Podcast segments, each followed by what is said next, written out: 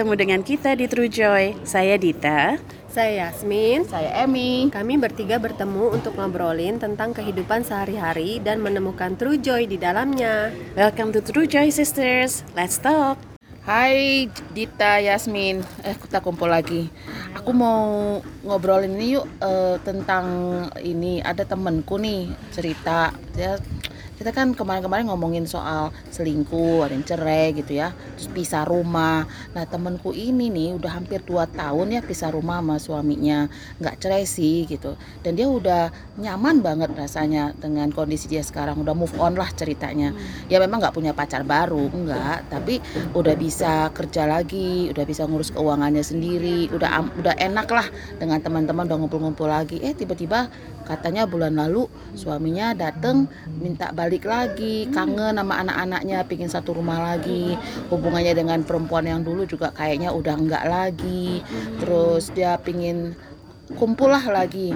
Nah dia khawatir nih kalau misalnya kumpul lagi nggak taunya suaminya kumat lagi. Yang udah nyaman-nyaman 2 tahun tiba-tiba seperti dulu lagi kayak neraka rasanya gimana ya menurut kamu Dita sama Yasmin? Apa yang perlu dilakukan temenku ini gitu? Ini bukan gue loh temanku. Gimana Dit istilahnya ya rekonsiliasi ya Rekonsiliasi. apa itu kayak keren banget namanya ya Rekonsiliasi ya, Em ya? ya apa tuh istilah rekonsiliasi kayak menyebutnya aja salah rekonsiliasi nah, Rekonsiliasi, iya. Iya. apa itu Rekonsiliasi itu dari kamus tuh eh, ada definisinya nih Em. Rekonsiliasi itu perbuatan memulihkan hubungan, entah itu persahabatan, entah hubungan eh, jenis lainnya ke keadaan semula Em, atau perbuatan menyelesaikan perbedaan. Jadi rekonsiliasi itu adalah em, pada intinya adalah eh, segala sesuatu yang dilakukan untuk bisa memulihkan hubungan ke keadaan eh, semula atau keadaan sebelum terjadinya konflik atau eh, apa eh, masalah ya yang membuat kemudian eh, kedua eh, pasangan ini maksudnya pasangan ini kedua su- suami istri ini kemudian Balik lagi. atau berseteru atau berpisah gitu ya. Eh, itu untuk balik lagi. Balik lagi tuh maksudnya kayak eh, satu rumah lagi satu tempat tidur lagi. Seperti itu nggak Eh, kon- apa namanya definisinya yang nggak rekonsiliasi? Nah menurut Emi kalau suami istri harus satu tempat tidur Iya. atau satu Kayak harus lah ya itu Harus lah ya. part Satu di ruang depan, satu di ruang belakang. itu gitu sih kan. itu sih sama uh, istilah itu kos kosan iya tapi pertanyaannya gini loh eh, Dit juga sama Yasmin mungkin Yasmin juga nanti bisa nimpalin ya Em, itu kan nice to nice to have ya Hmm. bisa balik lagi tapi seperti pertanyaan temanku tadi yang udah enak banget ya dia kayaknya baru sadar oh gila ya ternyata tanpa suami itu eh, segala hal yang tadinya nggak bisa dia lakukan dia bisa lakukan yang bukan negatif ya bebas. misalnya misalnya Lebih eh, bebas nggak diatur-atur. Iya, gitu itu ya. yang nggak disuruh nggak suruh pijet-pijet kalau Jadi benar-benar bisa tidur lebih lebih ah, lebih lebih tenang lah dibandingkan yang dulu dulu kelihatannya stres mulu Hmm. wajahnya kusam, eh sekarang lebih seger. Nah apa jaminan? Suami, ngurusin anak kan jadi ini- kuyup. ini gitu ini ya. curhat pribadi. Tapi maksudnya eh, apa ya Dita sama Yasmin eh, ini kan satu resiko lagi yang akan dia alami lagi hadapi lagi jika misalnya yain permintaan suaminya. Satu sisi kayaknya secara firman juga kita ini ya Dit, perempuannya harus tetap terima aja eh, resiko itu. bahwa dia akan tertekan lagi Ya gitu-gitu, mungkin. gitu-gitu ya. nah, oke lah. Eh, dia juga pingin ngikutin firman Tuhan, tapi satu sisi how to minimize the eh, the risk gitu. Mm-mm. Uh-uh. Jadi yang pertama adalah rekonsiliasi itu kan butuh eh, dua-duanya untuk eh, mau rujuk lah istilahnya kan, mau memulihkan keadaan seperti sebelumnya gitu kan, seperti keadaan semula. Eh, pastinya kan harus di- harus diketahui juga kenapa sih sampai kemudian kemarin terjadi masalah gitu kan, sehingga terjadi mungkin sampai kepada separation misalnya perpisahan gitu kan em. Iya. Nah, eh, perpisahan itu kan bisa disebabkan banyak hal. Eh, kayak misalnya eh, ada perbedaan yang nggak bisa di apa tuh dicocokkan gitu Iya, kan. iya. Nah, kalau itu masalahnya ya berarti untuk bisa resiko itu di resiko untuk tertekan lagi, resiko untuk dia nggak bahagia misalnya dalam pernikahan sehingga terjadi separation gitu kan. Itu yang harus dicari tahu kan M supaya ketika rujuk, ketika recon- reconcile eh, semua yang tadinya jadi penyebab itu bisa diatasi bersama gitu. Intinya adalah eh, sosok eh, dua eh, sepasang suami istri yang tadinya menikah atas dasar sama-sama cinta, atas apa tuh namanya eh, bukan dipaksa, kemudian memberi diri untuk menikah, menyatu dalam pernikahan, eh, kemudian tiba-tiba dalam eh, as years goes goes by gitu bisa saling nggak suka, saling ter, saling merasa tertekan dan sebagainya. Berarti kan ada yang menyebabkan masalah itu. Jadi kembali dicari kenapa terjadi eh, kerenggangan itu, terjadi tekanan itu dan kemudian kalau benar-benar mau mengembalikan ke keadaan semula ya berarti mengatasi penyebabnya gitu kan Em. Bersedia mengatasi masing-masing bersedia mengatasi penyebabnya sehingga resiko yang disebut resiko tadi bisa diminimalisir gitu. Nggak tahu Yasmin ada ya gimana ya menurutmu? Maksud- yang udah enak terus eh, bilang nggak mau ngikutin firman atau kata pendeta atau apa ya berbaliklah kembalilah. Terus keluarga juga kan banyak pasti yang bilang udahlah udah kelamaan ya pisahnya demi anak-anak. Tuh suamimu juga eh, udah minta maaf mau balik. Tapi kan yang ngalamin nanti disakiti lagi ya si istri nih. Apalagi kalau misalnya tadi kata Dita oke lah ke ketidakcocokan perbedaan-perbedaan yang non will atau wanita ah, oke. misalnya Jadi itu kan kalau perpisahannya about atau masalahnya about wanita lainnya will. nah Ah, itu kan juga istilah rasa, sakitnya yang dulu yang udah kembali dia jadinya tidak sesakit dulu lagi ada kemungkinan akan terjadi lagi kan gitu ya Hmm. Eh, jadi eh, apa ya Yas eh, kira-kira tadi kayak kata Dita kan harus dicari perbedaan yang kemarin terus kemudian dicari kesamaan apa alasan why dia dulu Mm-mm. eh, nikah gitu jadi intinya si wanita yang diselingkuhin itu yang dihianati ini yang sekarang diminta untuk menerima kembali suaminya eh, mau mau mencoba lagi apa yang harus dia lakukan supaya dia tidak terjadi lagi misalnya penyebabnya perselingkuhan. Nah, gitu. misalnya Oh. perselingkuhan lah, itu yang paling parah kan. Iya. Tuhan kan memberikan kita tuh pilihan-pilihan kan dalam hidup gitu kan. Jadi kita punya kehendak bebas gitu untuk kita memilih gitu. Apakah kita eh, apa mengikuti kehendak Tuhan ataukah memang keinginan dari dunia yaitu eh, keinginan daging atau kita keinginan sendiri. Tapi dari Tuhan sendiri kan dia eh, berkata di Maliaki 2 ayat 18 16 ya Hmm. itu eh, Tuhan membenci perceraian dan oleh karena itu kita harus menjaga diri dan jangan bersinar. Yang pertama kan memang dari suaminya harus bertobat dulu gitu kan. Dia menyesali perbuatannya. Dan kemudian dari istrinya juga eh, harus bisa memaafkan gitu. Karena di dalam keluarga itu kan nggak ada yang sempurna gitu. Walaupun di dalam satu keluarga yang solid pun eh, kita terdiri dari orang-orang yang nggak perfect. Pasti ada kesalahan nah kalau kita membuat kesalahan setiap hari kita membuat kesalahan ya mau nggak mau kita kan harus memaafkan. Jadi di dalam keluarga itu seharusnya adalah eh, forgiveness itu yang yang harus dilakukan setiap hari gitu. Karena Tuhan mengatakan kita memaafkan apa kita diminta untuk memaafkan 70 kali tujuh kali. Berarti kan tidak terhitung gitu Iya, kan. iya, iya. Uh, memang dalam hal ini masalah uh, perselingkuhan gitu kan yang yang yang which is sangat uh, menyakitkan tapi cinta Tuhan itu kan dalam sekali dia unconditional apa Unconditional. unco- unconditional love Ya, heeh. yang which is apa agape love gitu kan di sini Bu. apa pun kesalahan kita Tuhan pasti mengampuni gitu. Nah kalau Tuhan sudah mengampuni eh, kesalahan itu gitu, masa kita tidak bisa mengampuni gitu kan? Oh, Oke. Jadi Karena basisnya kita juga gitu. sudah kan di sudah di sudah diampuni. Si wanita ini temanku ini ya belajarlah mengampuni karena eh, Tuhan Yesus juga sudah mengampuni gitu. Jadi meskipun ini aku ngomong ekstrim ya, kalau misalnya nanti suaminya ngulah lagi, ampuni lagi. Ya itu tadi kan sebenarnya bagus yang eh, Yasmin tadi udah Iya. tekankan bahwa suaminya perlu bertobat. Kalau dia mau ma- mau reconcile sama istrinya harus didahului dengan eh, pertobatan. Karena sekali lagi forgiveness itu only eh, can only take one. Only take takes one person untuk bisa untuk melakukannya M. Tapi reconciliation itu butuh dua orang yang bersepakat yang punya niatan bersama-sama untuk mengembalikan ke keadaan semula hubungan pernikahan itu. Jadi kalau seorang yang seorang suami yang berselingkuh kemudian jadi karena itu jadi separate kalau dia mau reconcile dia harus bertobat. Tinggalkan hubungannya dengan perempuan lain itu untuk kembali kepada istri. Itu kan mengembalikan ke keadaan semula di mana dia jadi suami dari satu istri gitu kan. Iya. dan istrinya adalah eh, istrinya itu adalah istrinya dia yang yang dinikahi. Istri masa mudanya kok pakai iya. bilang gitu kan Iya, ya di Malayaki.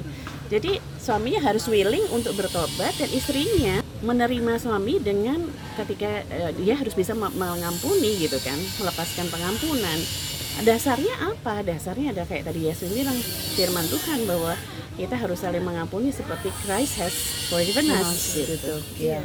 jadi kalau nanti suaminya akan Ngulah lagi? ngulah lagi gitu kan Nah, ampuni lagi. maka itu akan itu harus dijadikan satu eh, ini lagi ya makanya di dalam di dalam proses eh, rekonsiliasi itu terus keduanya harus work on their build rebuild their relationship kan The trust juga. trust and relationshipnya dalam arti kata kenapa suaminya ngulah lagi gitu balik ditanyain apakah itu Ah. Mungkin Hmm, istrinya terlalu galak, lebih galak dari COVID. Maka kita juga bilang laki-laki itu yang misalnya si suami yang tadi mau minta balik itu dia juga harus bersedia Hmm. mengikuti maunya si istri eh, Di- Dita tadi kasih contoh loh eh, Yas temennya yang bilang ya pokoknya aku minta dibeliin rumah misalnya gitu ya Hmm. pokoknya harus mau handphonenya diliatin ditunjukin dia ke mana aja aku juga tadi kasih contoh eh, ada teman yang punya masalah dengan suaminya gitu ya waduh ujung-ujungnya istrinya jadi kayak satpam dong ya. Nah iya, jadi dia sama sekretarisnya si suami eh, bekerja sama semua jadwal kunjungan suami keluar kota dan segala macam dia harus tahu juga. Ya jadi gini dulu konteksnya gini nih Nin Eh, bukan istrinya kamu jadi satpam ya Jadi galak dari covid. kan di dalam proses mereka mengembali- mengembalikan ke keadaan semula itu kan dibutuhkan seorang istri yang sudah pernah dilanggar kepercayaannya oleh suami, eh, trustnya itu di, Ya. eh, di apa Dirusak dikhianati, ya dirusak oleh suami dengan perselingkuhannya. Dia perlu kembali menemukan rasa aman kan dalam hubungannya dengan suami supaya mereka bisa build their relationship kembali jadi pernikahan ini jadi kuat dan kaya kembali gitu kan. Yang udah berkeping-keping nih pecah gitu kan oleh karena kepercayaannya sudah dihancurkan ya maka suami yang istilahnya sebagai pelanggar gitu kan ya dia harus willing untuk bisa eh, memberi membangun istrinya tuh menemukan rasa aman pada hubungannya dengan suaminya lagi gitu. Suami ini harus willing untuk memberikan diri ter- seperti dikatakan seperti buku yang terbuka bisa dibaca oleh istrinya karena hanya dengan demikian istrinya akan bisa menemukan perlahan-lahan kepercayaan pada suaminya gitu Ah, jadi nggak cukup hanya sekedar di awal ini Dengan ini ini. saya kam- kasih kamu ini ini ini ini. Itu gitu. satu atau Kasih saya apa? Eh, ay- tadi kata Dita tuh enak banget. Kasih saya rumah, Oh, mobil gitu. Ya, itu itu bukan ini nggak suggest Ya. nggak su- untuk semua ibu itu begitu tapi ini ini kan konteksnya adalah sepasang suami istri yang istrinya merasa terluka karena suaminya membelikan willnya segala macam yang willnya Iya, mau iya. dan dia dia merasa bahwa dia bisa menggain trustnya ke bahwa suaminya tuh lebih sayang sama dia daripada perempuan itu adalah ketika suaminya memenuhi apa yang jadi permintaan which is kalau suaminya mampu melakukan maka untuk mengam- untuk membangun kembali trustnya itu harus willing suaminya itu harga Ada yang harus Bayar. Iya dibayar benar benar. Kamu di mana? Video call dong. Kamu sama siapa? Walaupun sebel ya, misalnya mungkin itu di dalam kantor lagi rapat misalnya. Ya oke mam, aku sama partnerku sedang eh, rapat gini. Ini aku lagi hai hai gitu. ya harus harus harus dilakukan karena memang build trust itu nggak gampang Nggak loh. gampang. Itu seperti apa eh, gelas yang sudah pecah Ha-ha. terus sudah berantakan, jatuh sudah jatuh berantakan. berantakan, Dilem satu-satu. masih dilem satu-satu. Iya kalau nemu semuanya, katakan ya, mudah-mudahan nemu semua kepingannya yang sekarang disatukan, terus ditempel pakai lem. Dita, kamu kayaknya tadi cerita ada sesuatu yang yang unik deh. Iya, karena eh, tadi sempat sharing sama Emi ini Min tentang namanya art salah satu form of artnya eh, apa Jepang ya, namanya kintsugi. Kintsugi itu adalah cara memperbaiki pecah belah barang pecah belah pottery gitu ya. Eh, dengan cara me- bukan hanya melem merekatkan pecahan-pecahan itu tetapi me- mem- membubuhkan eh, apa golden paint gitu ya. Sehingga eh, keramik itu menjadi suatu keramik yang jauh lebih indah walaupun ada ke- kelihatan retakannya tapi retakannya ditutupi dengan cat emas gitu. Sehingga malah kemudian menjadi satu satu apa artwork satu seni yang sangat indah untuk dilihat dan harganya juga bisa mahal gitu. Jadi kalau saya ngeliat bahwa ke- ketika seorang yang melanggar atau yang merusakkan kepercayaan willing untuk kemudian eh, kembali membangun memberi diri sebagai buku yang terbuka untuk dibaca oleh pasangannya anytime dia sedang membubuhkan bukan hanya mengelem tapi perlahan-lahan membubuhkan tinta emas itu gitu. Jadi hubungannya bisa dalam pertolongan Tuhan of course pastinya ya.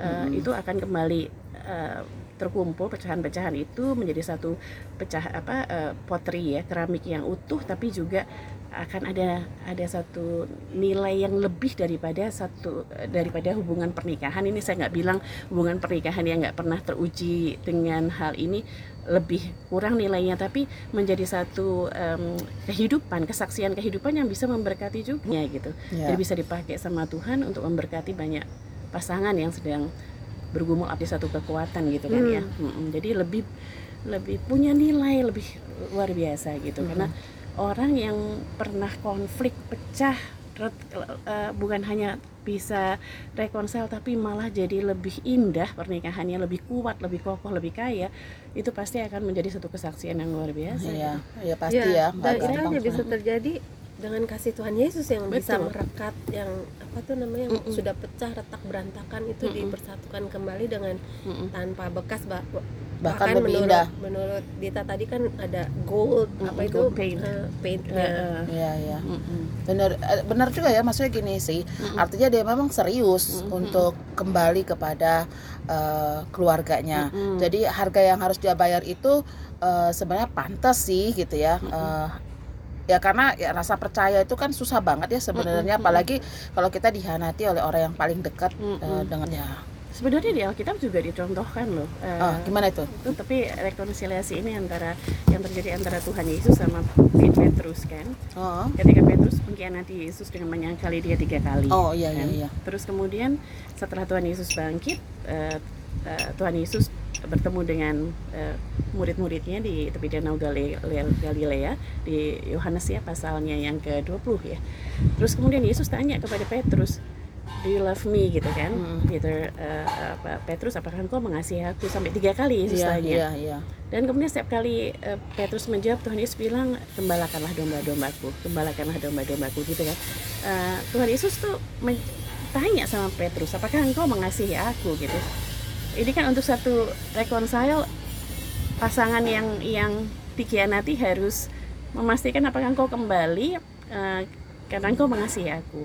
Hmm. Kalau engkau mengasihi aku, do this, Iya. right? Tuhan waktu bilang Ada syarat uh, lah. feed my, my lambs Ya, gitu kan ya, ya. Uh, gembalakan domba-dombaku maukah Petrus melakukan itu sebagai bukti bahwa dia bertobat dia mau kembali hubungannya dengan Yesus Uh, dia lakukan apa yang Yesus mau gitu Hmm. jadi di situ ada ada bukti uh, pertobatannya yaitu dia bertanggung jawab untuk melakukan apa yang orang yang dia katakan dia kasihi itu minta dari dia gitu jadi Hmm. I- itu juga Yesus Yesus apa contohkan kan ke kita gitu dalam hubungannya dengan Petrus gitu sebenarnya. iya itu so sweet banget itu Mm-mm. apa namanya eh, Tuhan sendiri me- menyiapkan eh, roti bakar dan Mm-mm. ikan ya pada Mm-mm. waktu itu untuk Ya, dia menyiapkan roti bakar dan ikan bakar. eh, sebagai apa tuh istilahnya untuk rekonsiliasi kembali hubungannya dengan Petrus Jadi di situ kan yang sudah menyangkal yang sudah menyangkal dia tiga Ah, kali. Ini kalau kita anggap nih eh, ibu-ibu yang harus menerima yang mau menerima suaminya kembali sampai kemudian eh, dengan contoh yang dilakukan Tuhan Yesus eh, dia siapin makanan gitu ya. Artinya dia juga sama-sama disakiti lah perasaannya sama Petrus waktu itu. Dan aku mau bilang eh, jadinya nggak bisa dengan kemampuan sendiri lah ya. Mm-mm. Eh, karena ya kita kan lemah ya.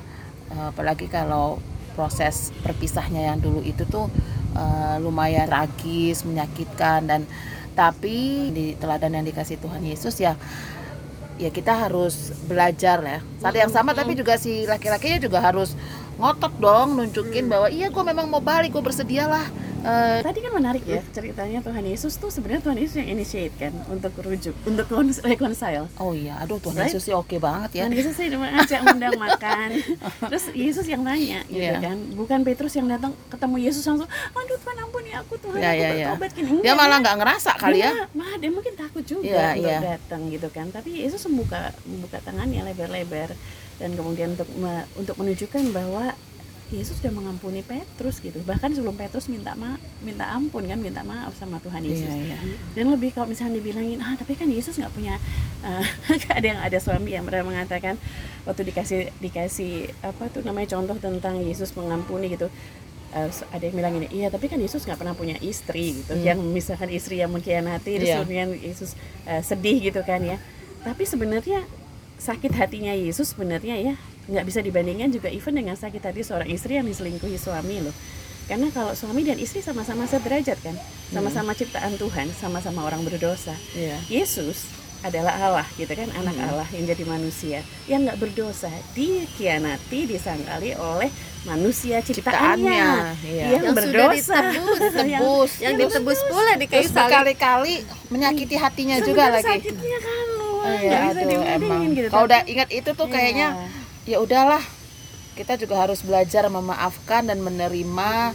eh, kalaupun lagi nggak kuat lagi, minta Tuhan kasih akulah kekuatan gitu ya. Mm-mm. Gitu ya. Eh, kalau lagi ngobrol gini, dit dit, Yas, di mana nih true joy-nya? Mm-mm. maksudnya rekonsiliasi itu diperlukan juga untuk em, apa menjadi suatu keluarga yang utuh terutama pertimbangannya karena ada anak juga kan gitu Kalau nggak ada anak, nggak ada sama aja Tujuan cuman maksudnya pernikahan tujuan ya? pernikahan iya iya iya, oke oke.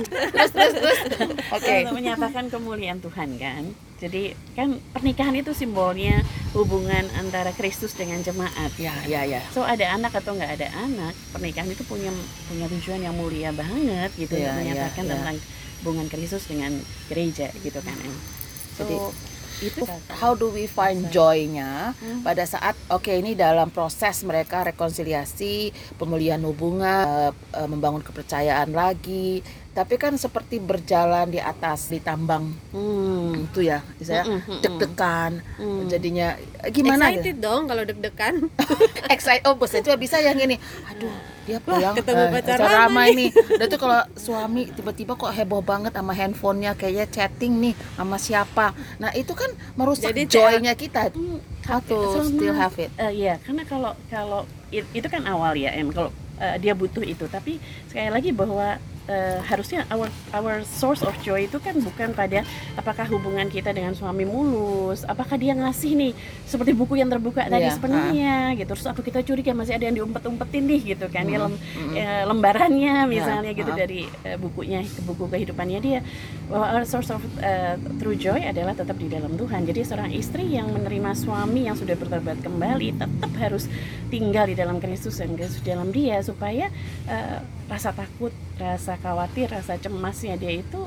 bisa teratasi ketika dia eh, dipenuhi dengan damai sejahtera Kristus bukan karena apa yang suaminya Oke. lakukan gitu Jadi balik lagi pada fokus kita, true joy-nya kita bukan dari si suami akan konsisten eh, dengan perubahan atau perbaikan sikapnya, tapi true joy-nya kita adalah dari eh, hubungan kita yang dekat dengan Tuhan Mm-mm. sehingga si suami relapse lagi, relapse lagi apa pun itu, eh, we can still find joy. yes ya, Ya kan? intinya intinya harus bersabar Hmm. berdoa juga Mm-mm. kan itu semua takes time ya dan kelihatannya Tuhan mungkin nggak nggak bekerja padahal tapi Tuhan itu bekerja di dalam eh, setiap pergumulan kita di, Mm-mm. di dalam Kalau misalnya tadi kan kita eh, rekonsiliasi dari hubungan suami istri yang eh, retak karena apa pun alasannya.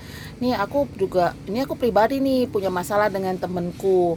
Aku pengen rekonsiliasi aku sih, padahal walaupun aku merasa salahnya dia sih, gitu. tapi karena dengerin ini aku jadi kepikiran kalau mau rekonsiliasi dengan teman, sahabat gitu, teman cewek gitu maksudnya, itu gimana ya menurut kalian eh, caranya?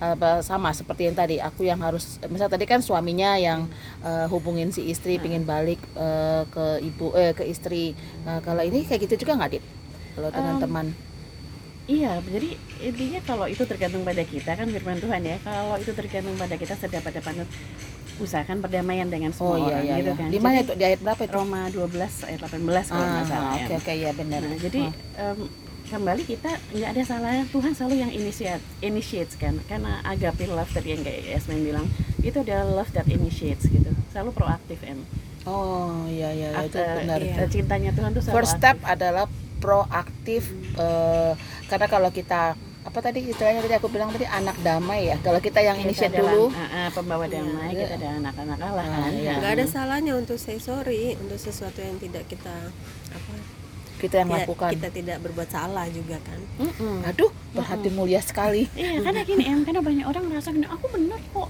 aku apa yang aku katakan tuh benar kok gitu ya. Temanku nih yang salah, aku tegur dia, misalnya dia nggak terima, terus kemudian kita eh, renggang hubungannya, terus kita ngerasa benar gitu. Nah, kita belajar nih, Yesus tuh kan nggak ada yang salah sama Yesus, tapi kenapa Yesus initiate hubungannya dengan Ya. dengan Petrus gitu kan untuk reconcile. Eh, mungkin kita bisa datang sama teman kita itu yang terluka oleh karena teguran kita yang kita bilang Ya. berdasarkan kebenaran itu. Eh, kita bisa bilang bahwa I'm sorry that I hurt you gitu. Bahwa aku membuat kamu merasa eh, sakit hati atau terluka dengan perkataanku I'm so sorry for untuk membuat kamu merasa seperti itu. It- karena perasaan itu valid kan emo dia terluka oleh karena itu kebenaran atau tidak kebenaran itu adalah yang dia rasakan rasakan, dan itu yang membuat dia menjauh gitu kan em tapi if you see this friendship itu sebagai satu hal yang berharga em untuk dipertahankan ya you have to Iya. initiate the move gitu Ya, terus terangnya sebelum kita tutup nih, itu berharga pasti harus melalui proses ya. Hmm. Kayak misalnya berlian, itu juga melalui proses yang luar biasa kan. Mm-mm. terbak Pressure dalam kan tekanan untuk pressure yang luar biasa ah. sehingga keluarlah satu cahaya eh, yang sungguh mahal harganya atau apa tuh yang tergantung karat. Eh, aku rasa ya eh, berharga ya bernilai untuk kita berusaha untuk rekonsiliasi Yes, bangun ah. kepercayaan lagi kepada orang yang pernah menyakiti hati kita eh, atau yang kita pernah sakitin gitu ya. Eh, karena tidak ternilai harganya dan joynya itu ada di situ pada saat kita proses pemulihan dan kita Yeah. berhasil mengatasi rasa kemanusiaan kita yang normal kalau mau marah tapi Yeah. akhirnya nggak bisa Uh-uh. above that gitu ya Mm-mm. oke truly joyful Truly jadinya thank you ladies Thank you, Em. Nice to Thank you. Sampai jumpa di obrolan berikutnya. Follow kami ya di Instagram true underscore joy 2020. Salam True Joy.